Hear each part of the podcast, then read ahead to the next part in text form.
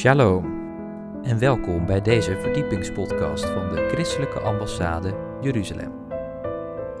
Mijn naam is Joshua Beukers en samen met Bijbelleraar Jacob Keegstra gaan wij een verdieping zoeken van de Hebreeuwse wortels van ons christelijk geloof. In 102 gaan wij verder met de Bijbelserie Hoe lees ik de Bijbel vanuit de Hebreeuwse context. We gaan het hebben over de geschriften. Ik wens u veel luisterplezier.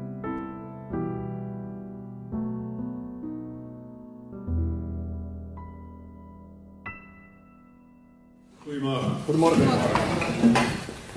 we gaan natuurlijk alle tijd nemen voor Gods woord.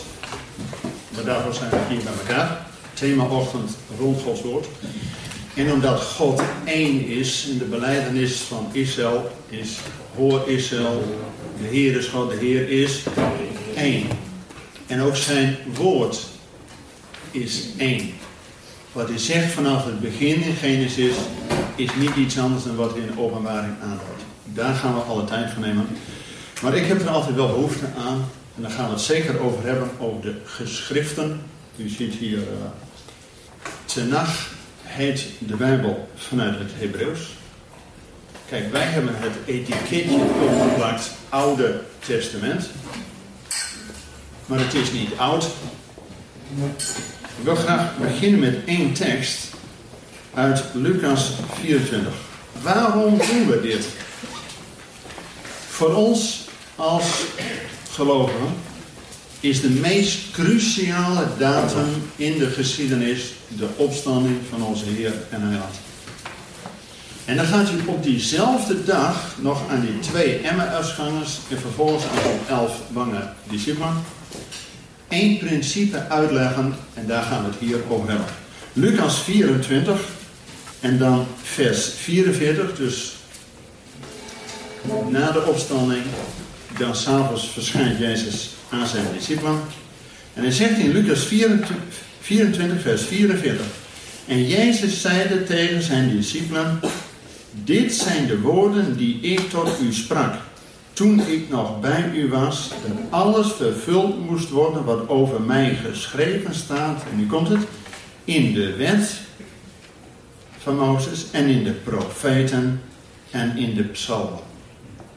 Jongens, onze Heer en Heiland leefde bij de schriften die u wijs kunnen maken tot zaligheid. De schriften die hij had, waren de wet, profeten en geschriften. In het Hebreeuws heet dat Torah, Nevi'im, Ketuvim. Afgekort Tenach.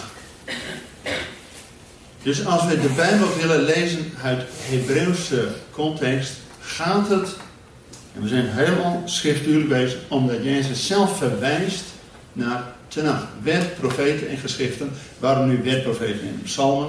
Omdat de psalmen het eerste is van de geschriften. Nou, we hebben het vorige keer over de Torah, de wet gaat, over de profeten. Vandaag staat centraal de geschriften. Mensen, ik hoop dat u een Bijbel hebt meegenomen. Want we gaan het hebben over hoe lezen we de Bijbel vanuit Hebreeuwse context. We hebben de vorige twee keer al uitgelegd dat het Hebreeuws een zeer gestructureerde taal is, waarin het in ieder hoofdstuk, ieder Bijbelgedeelte gaat om het begin en het eind. Dat geeft het kader aan waarbinnen God iets wil zeggen. En niet voor niks is ook Jezus onze Heer de Alpha en Omega. Alleen dat is Grieks. Het Hebreeuws is dat de Alef en de Taf. Maar het gaat niet alleen dat Jezus begin en eind is, maar het focuspunt wat God in een gedeelte wil zeggen, gaat om het midden. Dus in ieder onderdeel gaan we ook naar wat dan het midden is, het focuspunt, het centrale punt wat God ons wil duidelijk maken. We hebben de eerste keer het gaat over de wet, de Torah, de vijf boeken van Mozes. En dat begin en eind begint met uiteraard de schepping. Het eerste woord wat God zegt is er zij licht. En de Torah eindigt met Israël. Het draait om Gods volk. De eerste letter en de laatste letter alleen al vormt het woord lef. Want het gaat bij God van begin tot eind om ons hart. Maar het centrum van de Torah precies in het midden is de kern van de boodschap, van de onderwijzing van God. Heb uw naaste lief als uzelf, want ik ben de Heer. En de samenvatting kennen we ook allemaal. Deuteronomium 6, hoor, Israël de Heer is God, de Heer is één. En gij zult de Heer liefhebben met alles wat in u is. Dus de Torah, de vijf boeken van de onderwijzing van God. De vorige keer hebben we het gehad over de profeten. Ook weer begin en eind. Begint met Jozua 1. Wees sterk en moedig, want ik ben met u. En de profeten eindigen met Malachi 4 dat God een heraut, een profeet Elia zal sturen voordat de grote dag van God aanbreekt. En die gaat één ding doen. Verzoening en het hart, weer het hart van de kinderen terugvoeren tot de vaderen. Abraham, Isaac en Jacob. En ook het hart van de vader terug naar de kinderen. Dat er weer verzoening ook binnen gezinnen is. En in het centrum van die profeten staan er drie grote profeten. Jezaja, Jeremia en Ezekiel. Nou, dat hebben we vorige keer uh, besproken. Nu willen we het hebben over het derde deel van de schriften, van de Tenach. En dat heet dan ook wel de geschriften. En de geschriften beginnen met de psalmen. Psalmen, Job en Spreuken, dat zijn de eerste geschriften. Dan krijgen we een aantal feestrollen, gaan we het over hebben. En dan nog een aantal slotgeschriften geeft wat is dan onze reactie? De psalmen is, wij tellen dat als één boek van de psalmen. Maar in het Hebreeuws zijn er vijf boeken van de psalmen. Kijk er maar eens bij Psalm 107. En kijk maar eens wat daar boven staat. Psalm 107, er staat boven, in veel edities, wat staat er? Het vijfde boek der psalmen. Dus we hebben vier boeken meer dan wij gedacht hadden. Dus als ik vraag hoeveel bijbelboeken hebben we, dat zijn dat dus niet de 66 die je op de zonderschool leert, maar 70. En 70 is toch ook een iets meer bijbelsgetal dan 66. Het zijn 40 bijbelschrijvers. Er is 1400 jaar over werk geweest om die bijbel te schrijven. Maar het ademt een eenheid uit, omdat Gods geest de schrijvers geïnspireerd heeft. Over die psalmen die vijf boeken van de psalmen sluiten naadloos aan op de vijf boeken van de onderwijzing. Het begint al met psalm 1, waar staat welzalig of wel gelukzalig. In een Engelse editie staat er what a paradise. Nou, als dat niet op Genesis slaat, een paradijs, dan weet ik het niet. En het slot, de laatste van die vijf boeken, gaat over lofprijzing. Dat als God alles gedaan heeft, is er voor ons maar één ding te doen: Hem te loven en te prijzen. Dus die vijf boeken van de Psalmen zitten in datzelfde structuur. En die wil ik aan de hand van Psalm 50 uitleggen. Die kent u ongetwijfeld, Psalm 50. Wie God lof offert, eert mij en baant de weg dat ik hem Gods. Oké. Dat is maar een deel van het principe. Want het staat gewoon in de psalmen. Maar om tot die psalmen te komen, weet u wanneer het eerste lied in de Bijbel geschreven, gecomponeerd, geproclameerd in de Bijbel staat? Het eerste lied in de Bijbel? Het lied van Mozes. Het eerste lied van Mozes. En wanneer was dat? Na de uittocht als al die grote daden van God hebben gezien, al die tien tekenen dat de afgoden van Egypte bakzeil moesten halen, dat zelfs het volk door de Schelzee, in die farao zien we nooit meer terug, dan staat het volk van God aan de goede kant en dan zingen ze het eerste lied in de Bijbel. En wat is het eerste lied? Exodus 15. De Heer is mijn sterkte en mijn psalm. Hij is mij tot heil geweest. Maar eens kijken naar de structuur. Het begint bij God. Alles begint bij God. Van God is onze sterkte, onze kracht. Die heeft het gedaan. Ja toch? Niet Israël. En wat is jouw reactie? Wat is de reactie van het volk? Die, gaat, die staat hier. Onze reactie is maar één ding: dat we hem geloven en prijzen. En doordat we hem geloven en prijzen, gaat God ons in de tweede verdieping stellen. Dan laat hij ook zijn heil, zijn Yeshua zien. Dus wat is het principe? In alle psalmen kom je dat tegen. Van de Heer is mijn sterkte. Wij prijzen hem met ons lied. Zodat hij ons zijn heil doet zien. En dat staat drie keer in de Bijbel. In de wet, in de profeten en in de geschriften. Komen we zo op. Ja, dus dit is een principe. Eh, dus dat wil zeggen, met Hebreeuwse oren is dat gewoon duidelijk voor iedereen die dat leest. Alleen wij lezen dat met Nederlandse oren en dan zijn we soms bij de vertaling wel eens wat kwijtgeraakt. Nou, daarom is het goed weer bij de bron te komen.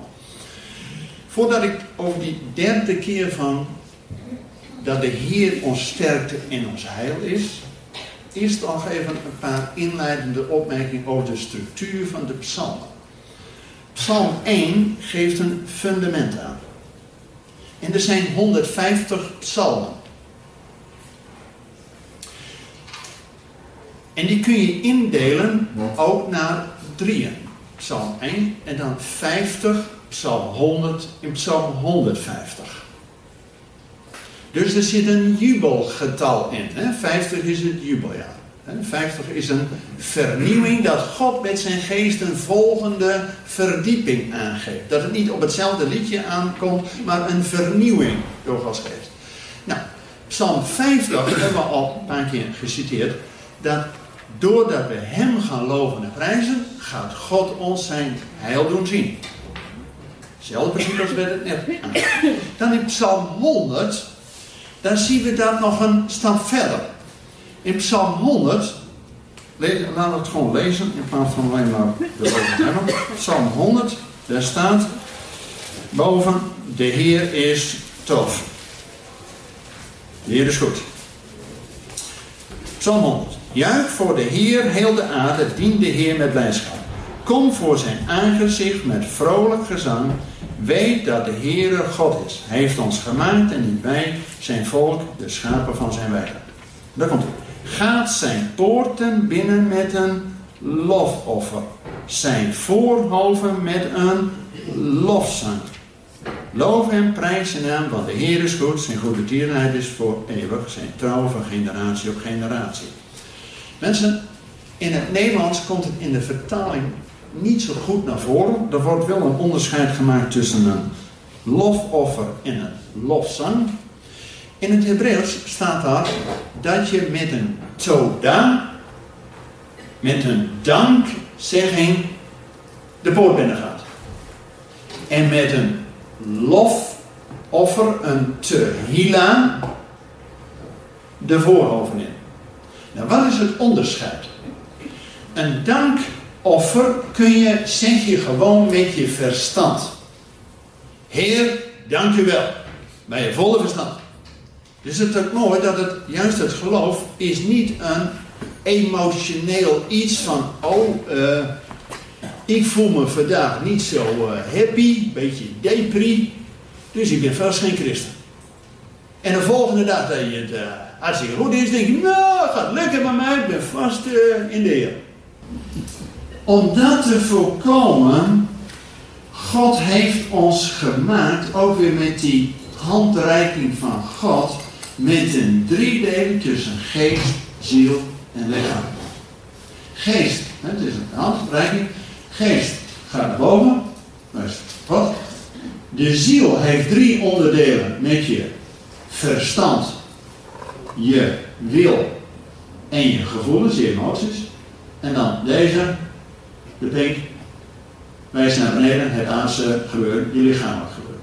Dus je hebt een driedeling van geest, ziel en lichaam. En om te voorkomen dat we in dat Griekse denken zitten van ziel en lichaam, eines is rationeel en anders wat eh, emotioneler. De Bijbel, omdat God één is en zijn woord één is, wil hij ook dat wij één zijn. Dat wij een enkelvoudige getuige van de Heer zijn. Dus wat we geloven, wat we denken, wat we zeggen en wat we doen en wat we ervaren, hoort een eenheid te zijn. Maar als het ene geloven, het ander zeggen, weer iets anders doen, en een kilometer later nog weer iets anders ervaren, dan zijn we schizofreen en geen getuigen van de Heer. Dus God wil ook dat wij één zijn in alles wat we zeggen, doen, denken, handelen, geloven, alles erbij. Maar de ene mens is wat meer rationeel en de ander wat meer emotioneel. Alleen God wil ons daarin helpen, dat we er allemaal komen bij de troon van God. Want je moet je Jeruzalem voorstellen met een poort en dan je wilt op naar de tempel.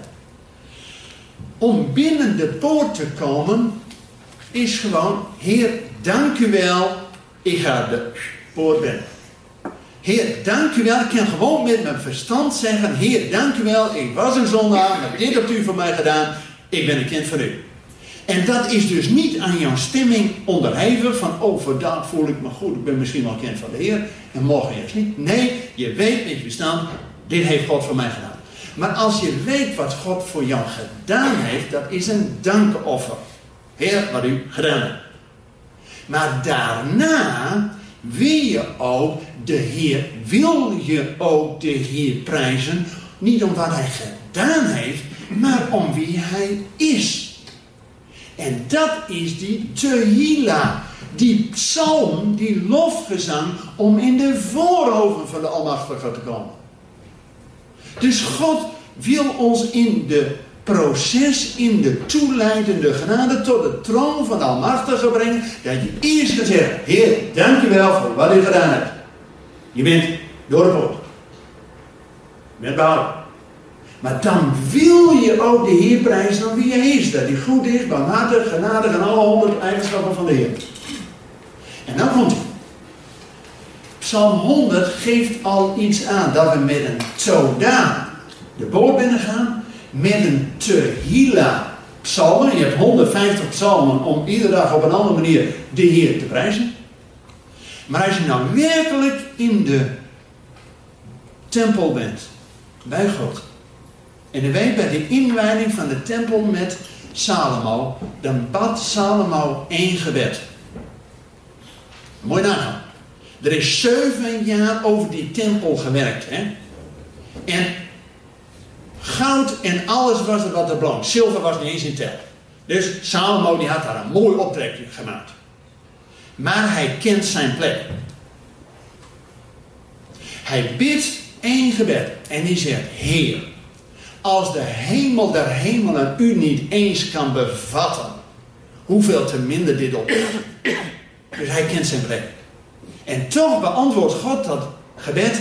En de heerlijkheid van God daalt neer, de Shekinah glorie. En dan staat er dat de priesters konden geen dienst meer doen. Ze gingen gewoon plat voor het aangezicht van Almachtig. Dat is aanbidding dat de geest van God het overneemt en dan ga je met hemelse taal de Heer over naar prijzen. En dat heet in het Hebreeuws tefila. Gebed. En Israël is die tefilin, die gebedsdingen, om je te herinneren dat je in de aanwezigheid van de Almachtige bent.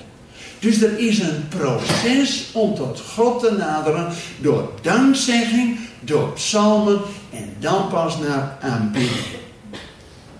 En wij vergeten dat wel eens in de dienst, dat het zomaar bij de troon van God komt. God heeft een model daarvoor. En dat komt in alle toonaarden naar voren, dat we eerst de Heer gaan prijzen wat hij gedaan heeft. En dan wordt je verstand aangesproken. Maar dan wil je het ook om de Heer te prijzen met alles wat hij is. En 150 psalmen. En dan kom je ook dat je beleeft dat Gods geest het overneemt. En dan ga je in de flow dat Gods geest jou in de aanbidding leidt. Psalm 100. Dus Psalm 50 geeft al aan, wie lof offert, baan de weg dat God ons zijn heil doet zien. En God wil ook dat wij tot die troon van Almachtige naderen. En dan is het laatste van die 50 cyclus, 100, Psalm 150, dat is alles wat in je is, kan maar één ding doen, loven de Heer. Dus dat is een indeling. Om uiteindelijk niet bij Psalm 1 te blijven, maar bij Psalm 150 uit te komen. Nog een andere voorbeeld van waarom het in de Bijbel steeds gaat om begin en eind en het centrum. Dan wil ik met jullie naar Psalm 8. Psalm 8 is een voorbeeld, bijna al psalmen gaan er zo. Psalm 8. Moet eens kijken hoe, wat we hier doen is maar een, ja, een voorbeeld, maar dat kun je thuis natuurlijk helemaal als je dit principe hebt, lees de Bijbel echt anders. Psalm 8. Trouwens, 8 met Hebreeuwse oren. 7 is compleetheid, hè? Dat is vol. Wat is dan 8? Dat is één meer. Ja, maar wacht even. Wij tellen na 7 dagen weer vanaf dag 1. Maar als je dus in de 8 komt, betekent 8 dat er iets van God komt. Dan komt er een nieuwe versie. Dus ook Psalm 8, moet eens kijken, vers 1 en vers 10, het eerste en het laatste, het begin en het eind, gaat over Heer, onze Heer, hoe machtig is uw naam. Er staat zelfs hoe kavod, hoe zwaar, hoe, dat is de heerlijkheid van God, die is zo duidelijk. Dat is begin en eind, dat is het kader. En wat staat precies in het centrum? Vers uh, vijf, wat is dan de mens? En in sommige vertalingen staat heel keurig, wat is dan de sterveling? Maar weet u, hier in het Hebreeuws staat er dan niet, wat is de mens, wat is Adam? Adam, mens. Nee, hier staat het in het Hebreeuws, wat is Enos? En dat zegt u niks. Maar in de geslachtslijn van Adam en uh, Abel en Seth, en dan heb je op een gegeven moment Enos. En er staat expliciet in de Bijbel, ten dagen van Enos ging men de Heer aanbidden. Hey. Enos betekent de zwakke mens. Die dus niet sterk van zichzelf de kan en ik kan het allemaal zelf. Nee, degene die zwak durft te zijn van zichzelf, heeft God nodig. Dus er staat expliciet in de dagen van Enos ging men de Almachtige aanbidden. En dat staat in Psalm 8, waarin we een vernieuwing van de psalmen krijgen, dat van begin tot eind, hoe heerlijk is je Shekinah glorie over ons, en dan durf je ook zwak te zijn. En dan zegt God, wat is dan die zwakke mens, dat u toch aan hem denkt. En het mensenkind, dat u toch naar hem omziet. Jongens, puur genade. En dan draait het om in de tweede deel. Gij hebt hem tot eer en heerlijkheid, tot kroon van de schepping gemaakt. Dat is onze positie. Maar dat betekent dat we dat niet uit eigen kracht kunnen. Dat we eerst ook die zwakke mens durven zijn. Die de kracht van God willen hebben. Dan zit je precies weer in de psalmen van de Heer is mijn sterkte. Nou, dan kun je maar één ding doen, de Heer over. Nou, die psalm 8, alles met 8 in de Bijbel, psalm 8, 18, 80, 118, zit een bepaalde vernieuwing in. Ga ze niet allemaal na, maar ik wil met jullie naar psalm 118. Want psalm 118 staat precies in het midden van de Bijbel. Psalm 118 vers 8. Dus heel makkelijk te onthouden, 1188. Jongens, het is bijna een wiskundige taal, hè, het. Daar staat de kern van de Bijbel. Psalm 118, vers 8. Want waar staat er? Het is beter op God te vertrouwen dan op mensen. Het is beter op God je vertrouwen, je geloof te baseren dan op mensen. Jongens, daar gaat de hele Bijbel toch om. Dat je niet op, op mensen en weet ik wat je vertrouwen hebt, maar je vertrouwen op de Heer Centrum van de Bijbel. Maar wacht even. Dat centrum, vanuit het centrum gaan we eens een steen in het water gooien. Dan heeft hij al golven tot aan begin en eind toe. Ja, dan gaat het tot de kant. Waar de, de kant raakt. Waar raakt de kant? Van begin tot eind. Moet je kijken, Psalm 118 staat namelijk precies tussen de kortste psalm en de langste psalm in. En wat is de kortste psalm? Ja, bij ons is dat twee versen, maar eigenlijk in, de, het Hebreeuws staat er één vers en die wordt twee keer herhaald. God is goed, ja, goed is God. Ja, dat, zo is dat Hebreeuws. Jongens, want in de tijd van Abraham en Mozes en David, niet iedereen kon lezen en schrijven, hè? Dus het memoriseren moet gewoon onderdeel van het patroon zijn. Dus als je het herhaalt, ja, goed is God. God is goed. Dan blijft het hangen. Nou, hier met één vers heeft God een wereldwijde visie, hè? Loof de Heer, in mijn klein hoekje. Nee, wat staat er? Loof de Heer, alle gij volken. Prijs hem, alle genaamd. Dus God heeft met die kortste psalm een wereldwijde visie. Ja, nou wij nog. In die langste psalm, daar gaan we het over hebben. Niemand de deur uit. Alleen, om goed zicht te krijgen op het centrum. En dat is natuurlijk het centrum van de eredienst in Israël, was Jeruzalem. Alleen Jezus en zijn discipelen woonden daar bij Capernaum. En vele anderen woonden overal in Israël. Dus ze werden met de drie feesten opgeroepen om naar Jeruzalem te gaan. Om de te offeren en vooral te lofofferen. Koning David had 120 mensen gesponsord die de Heer dag en nacht gingen loven en prijzen. Zo. Nou, gisteravond was hier ook 6 keer 1, dus dat ging ook al uh, een tijdje door tot uh, s'nachts 1 uur. En nu uh, de volgende ochtend zijn we er weer. Maar in de tijd van David ging dag en nacht gewoon door. En om naar Jeruzalem te gaan, heeft men liederen om elkaar op te wekken om de weg te gaan. Want het duurde een paar dagen voordat je van Capernaum naar Jeruzalem was. Dus dan zong men elkaar toe de liederen van de opgang. Dat zijn er 15 psalmen. Psalm 120 tot 134. En die zong men gewoon on the word om elkaar aan te moedigen. Het is net als je een wandeltocht doet. Je zingt een liedje om elkaar gewoon over de pijn heen te helpen. En gewoon, huppatee, kom gaan met onze doel. Tegenwoordig krijg je daar een, bekeer, een bekeuring voor. Want nee, nee, geloof is uh, privé, hè. Dat jij dat doet in een klein hoekje, prima, maar sabel niet een ander mee op, hè. Nou, de Bijbel is er was van. Kom, gaan we ons doel zijn. Je zingt elkaar toe. Kom mee op naar Jeruzalem. En als je er dan bent. Dan zijn er bij die trappen om naar de tempelplein te gaan nog 15 treden. En op ieder trein zong men ook weer één lied van die opgang. En als men er dan bijna is, de voorlaatste stap, heeft men de veertiende lied van de opgang. Psalm 133. Ziet hoe goed het is dat broeders en zusters elkaar lekker roddelen. Nee, wat staat er? Ziet hoe goed het is dat broeders en zusters tezamen wonen. Nou, eten is een onderdeel. Maar je elkaar niet mag, ga je niet met elkaar eten.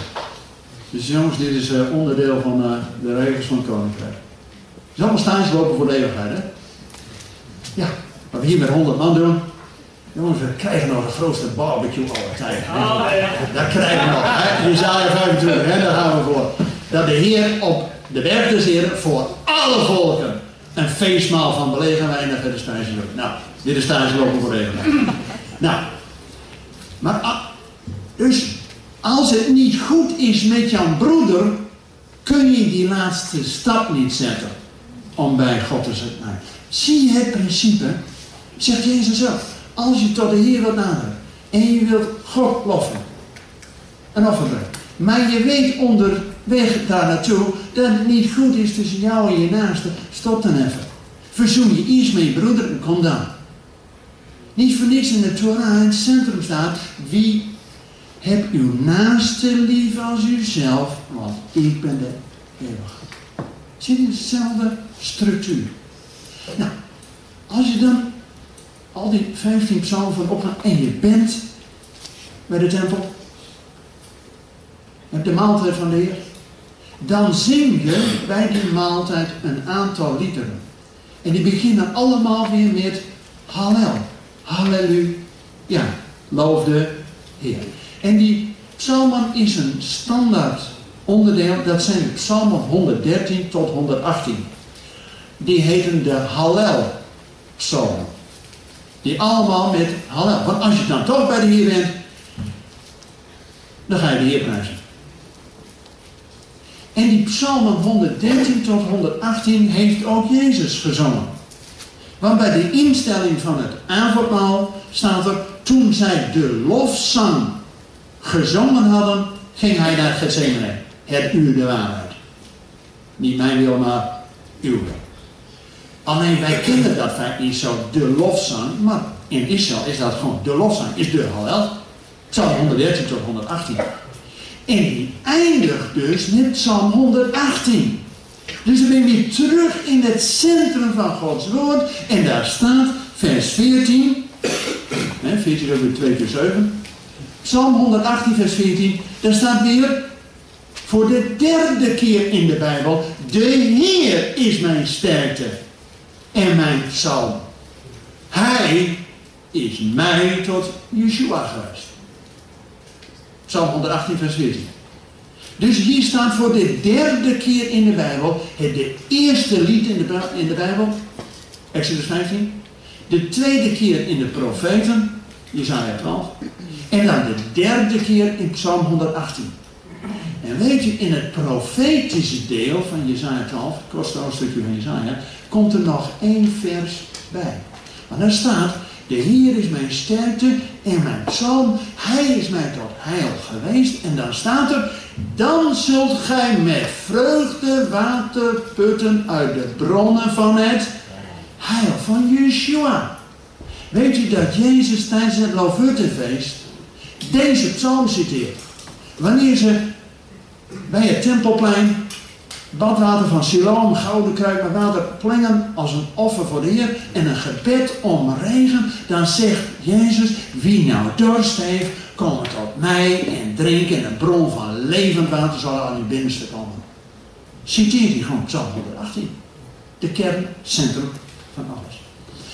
Maar in Psalm 118 staan nog een aantal hele mooie onderdelen. Er staat bijvoorbeeld um, vers 22. hey, 22. Slot van de Hebreeuwse telling. De steen die door de bouwers verworpen was, is tot een. Ja. En ik dacht altijd dat dat de onderste steen was. De hoeksteen, die leg je als eerste.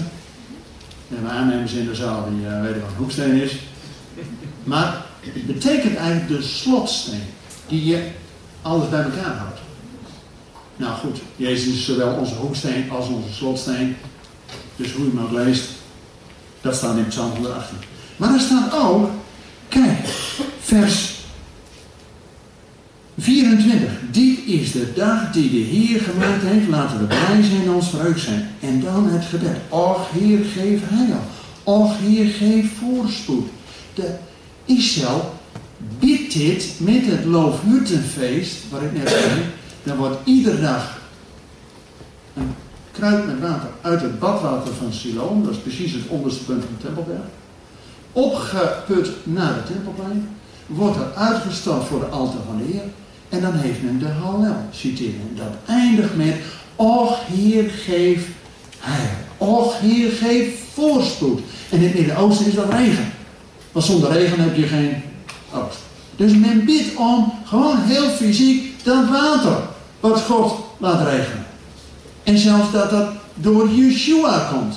En dan gaat op dat moment, Yeshua kende zijn schrift, op dat moment gaat hij staan en zegt, als je nou toch dorst hebt, komt dat mij en drinken en de bron van levend water zal uit de binnenste. Jongens, dat is zo, dat niet alleen profetisch uit die Jezaja, en hier in de geschriften wordt dat herhaald, maar Jezus deed precies wat er voor de volgorde en de structuur van God nodig was om een stap verder te komen. Want, waar draait het nou om? Wanneer is de volgende keer wat heel structureel in ons geloofsleven volgende stap is? En dat is namelijk als je het volgende vers hebt. Dan is vers 26. Maar daar staat, gezegend hij die komt in de naam des Heer. Weet je dat dat het wachtwoord is voordat Jezus weer kan komen? Dat ook Jeruzalem zegt, waarom Gaba Bashema, gezegend hij die komt in de naam des Heer. En dat wordt geproclameerd, onder andere met de feesten, met Pasen, Pinkster, Loofhuttenfeest. En zeker het Loofhuttenfeest, wat en nacht geweest gevierd wordt, dan citeert men tot zeven keer toe deze psalm. Och Heer, geef heil, geef Yeshua. En dan ook als Israël erkent wie hun Messias is, dan is het wachtwoord gezegend hij die komt in de naam des Heer. Jongens, dit is, zo, dit is niet zomaar een geschrift, dit is een profetische psalm. Dus als we dit proclameren, proclameren we dat wij met Israël uitzien naar de komst van de, van de Heer. Amen. Psalmen, daar kunnen we een dag over preken. Alleen, de geschriften hebben niet alleen de psalmen, spreuken en Job, de wijsheidliteratuur. Naast het eerste deel van de geschriften volgen de hoofdgeschriften ook wel de feestrollen. En u weet, God is een God van hoogtijden.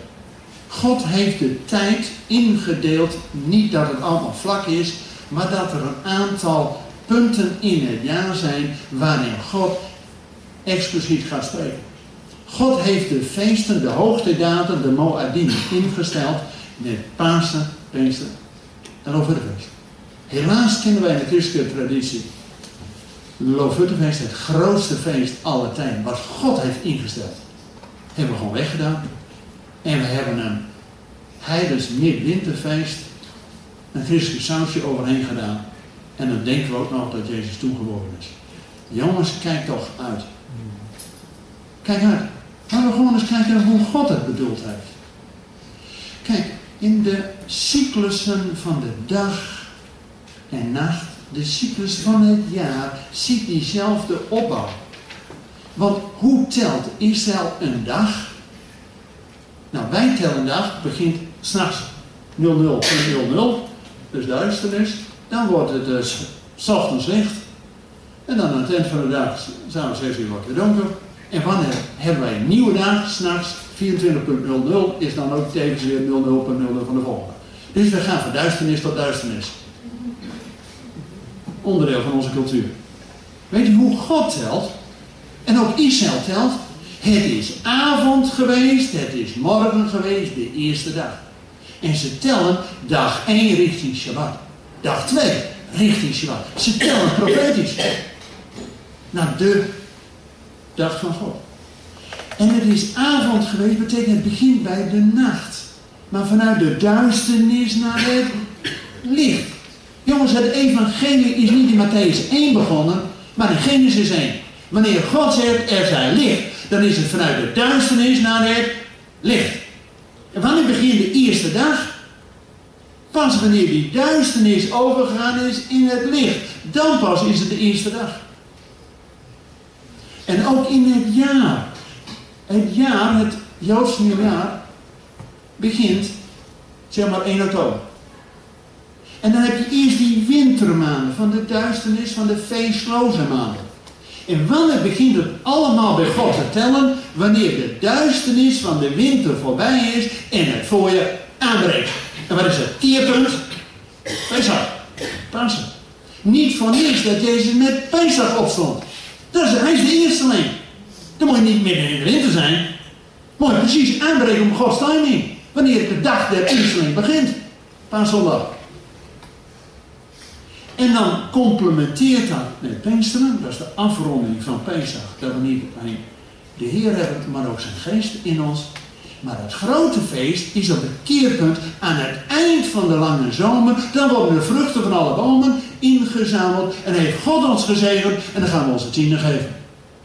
En niet een beetje het moeten nodig, maar dan gaan we met vreugde doen. Want 90% mogen we zelfs houden. Maar God wil dat als we die tienen geven, beproeft men dan dat ik ook weer de sluizen voor de hemel voor de volgende ronde ga geven. Zodat ook weer het gebed om regen weer een verdieping krijgt. En in dat proces van die feesten heeft God zijn geschriften, zijn feestrollen gegeven om ons te helpen. God weet dat we zwakke mensen zijn. Maar die geeft zijn opmerking. Met Pasen, wat is daar de feestrol? Enig idee? U weet het allemaal. Als je uitgeleid bent uit Egypte. Helemaal, wauw, bevrijd. Je hebt die 400 jaar slavernij gehad. Je bent eindelijk bevrijd. Zing je dan een lied van depressie? Nee, zing ik hoogste lied. Hooglied. Jongens, de Bijbel is heel, heel eenvoudig. Shir Hashim, het lied de lieden. Zing je, wow, als je bevrijd bent. Dan ga je, oh nee, je weer terug naar die vleespotten van Egypte. Wie wil lekker geslagen worden door meneer, hè? Hallo, nee, als je bevrijd bent, zing je het hoogste lied. Hooglied. En hooglied gaat erom, de winter is voorbij. Laat u zien, mijn geliefde. Want God wil dat wij in die liefdesrelatie. Jongens, de Torah is een huwelijksverbond tussen God en zijn volk. Nou, wij nog. Dus volgende keer allemaal witte kleding aan. Het zijn niet van niks, hè. Dat laten uw klederen ten alle tijden wit zijn. Ja, jongens, een bruiloft. Ook een priestelijk. En allemaal witte linnen aan. Ja, heel simpel. Dus wat je uiterlijk, wat je innerlijk voelt, ga je uiterlijk kleden. Ja? Hemd.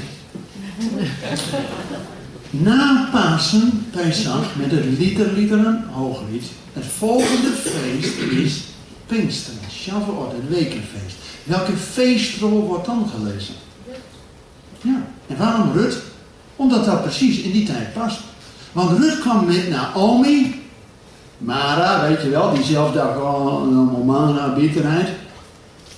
Die kwam weer ten tijde van Pesach, ten tijde van de gerstenoogst in Bethlehem, huis van brood. Ze werkt zeven weken op het land van Boas, van de gerstenoogst en de tarweoogst. En dan is er een huwelijksfeest met Pinksteren. En dan wordt het huwelijk van Boas en Rut, van de Joodse man en die niet-Joodse vrouw. Jongens, er is hoop voor ons. Staat al in het feestrol van Rut.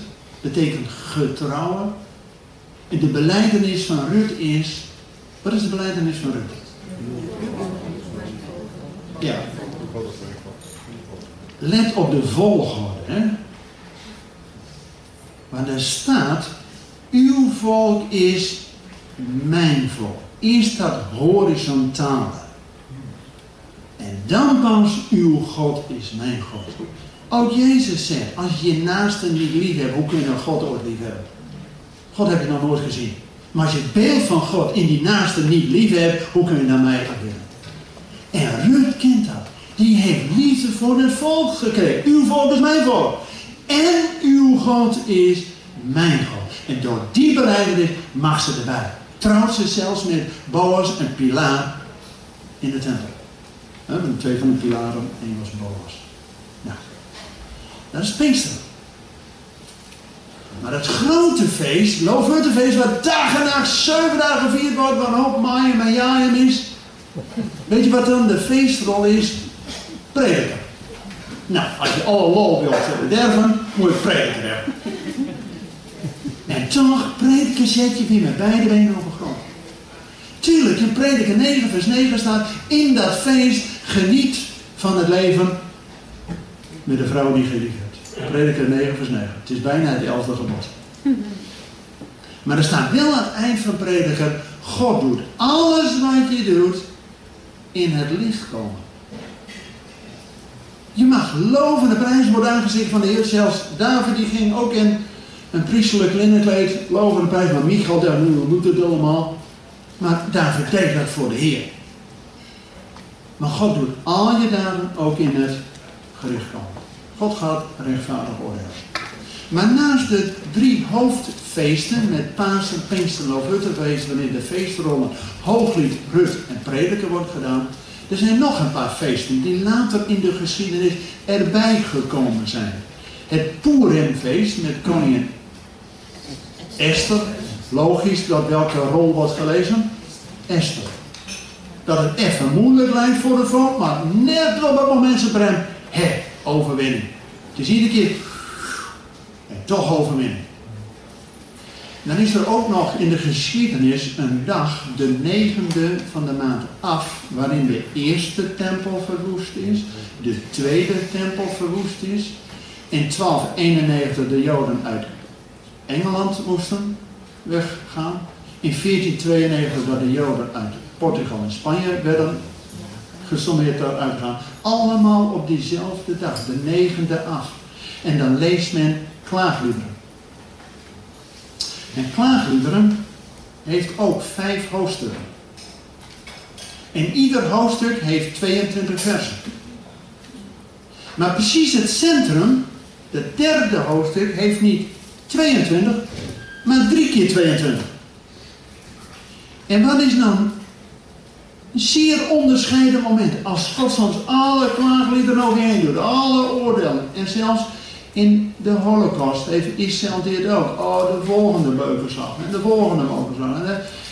En toch in het centrum u kent het ongetwijfeld. Klaagliederen 3, vers 22 en 23. Wat staat er? Laten we het gewoon lezen.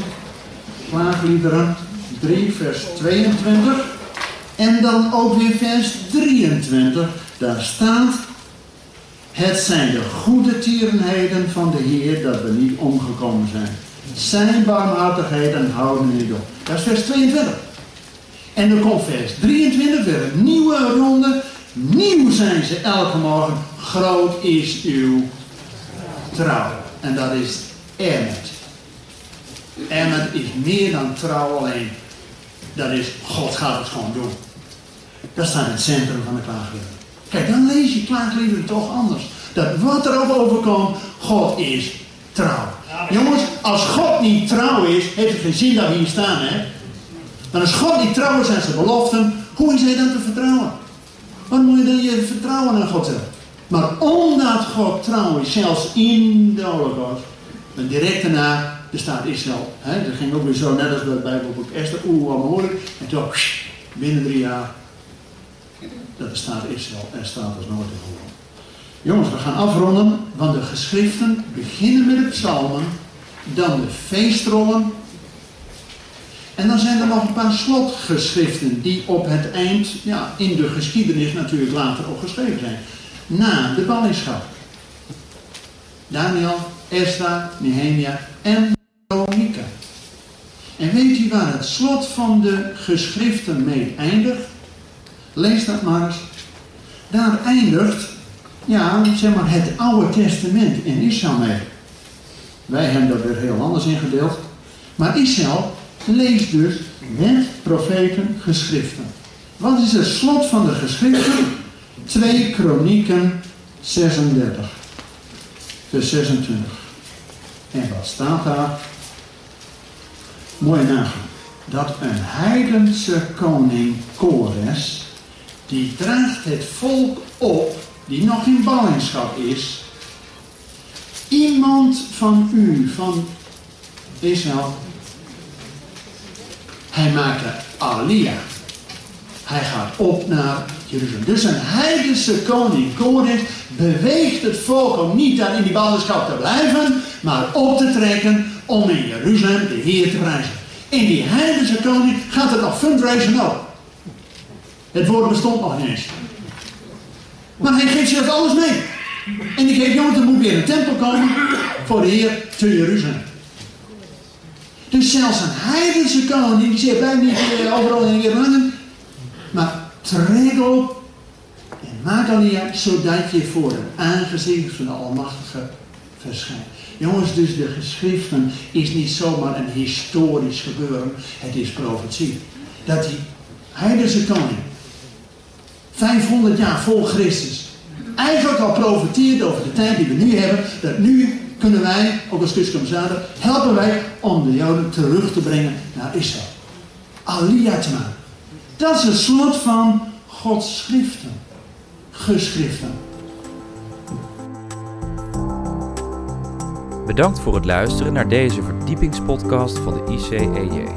Waardeert u onze podcast? Steun ons dan met een donatie of ga naar onze website icej.nl. Volgende week het laatste deel van deze Bijbelserie over de Hebreeuwse context van ons geloof. We gaan het dan hebben over het Nieuwe Testament of het Nieuwe Verbond. Luistert u weer met ons mee? Ik hoop van wel. Hartelijk bedankt voor het luisteren en tot volgende week.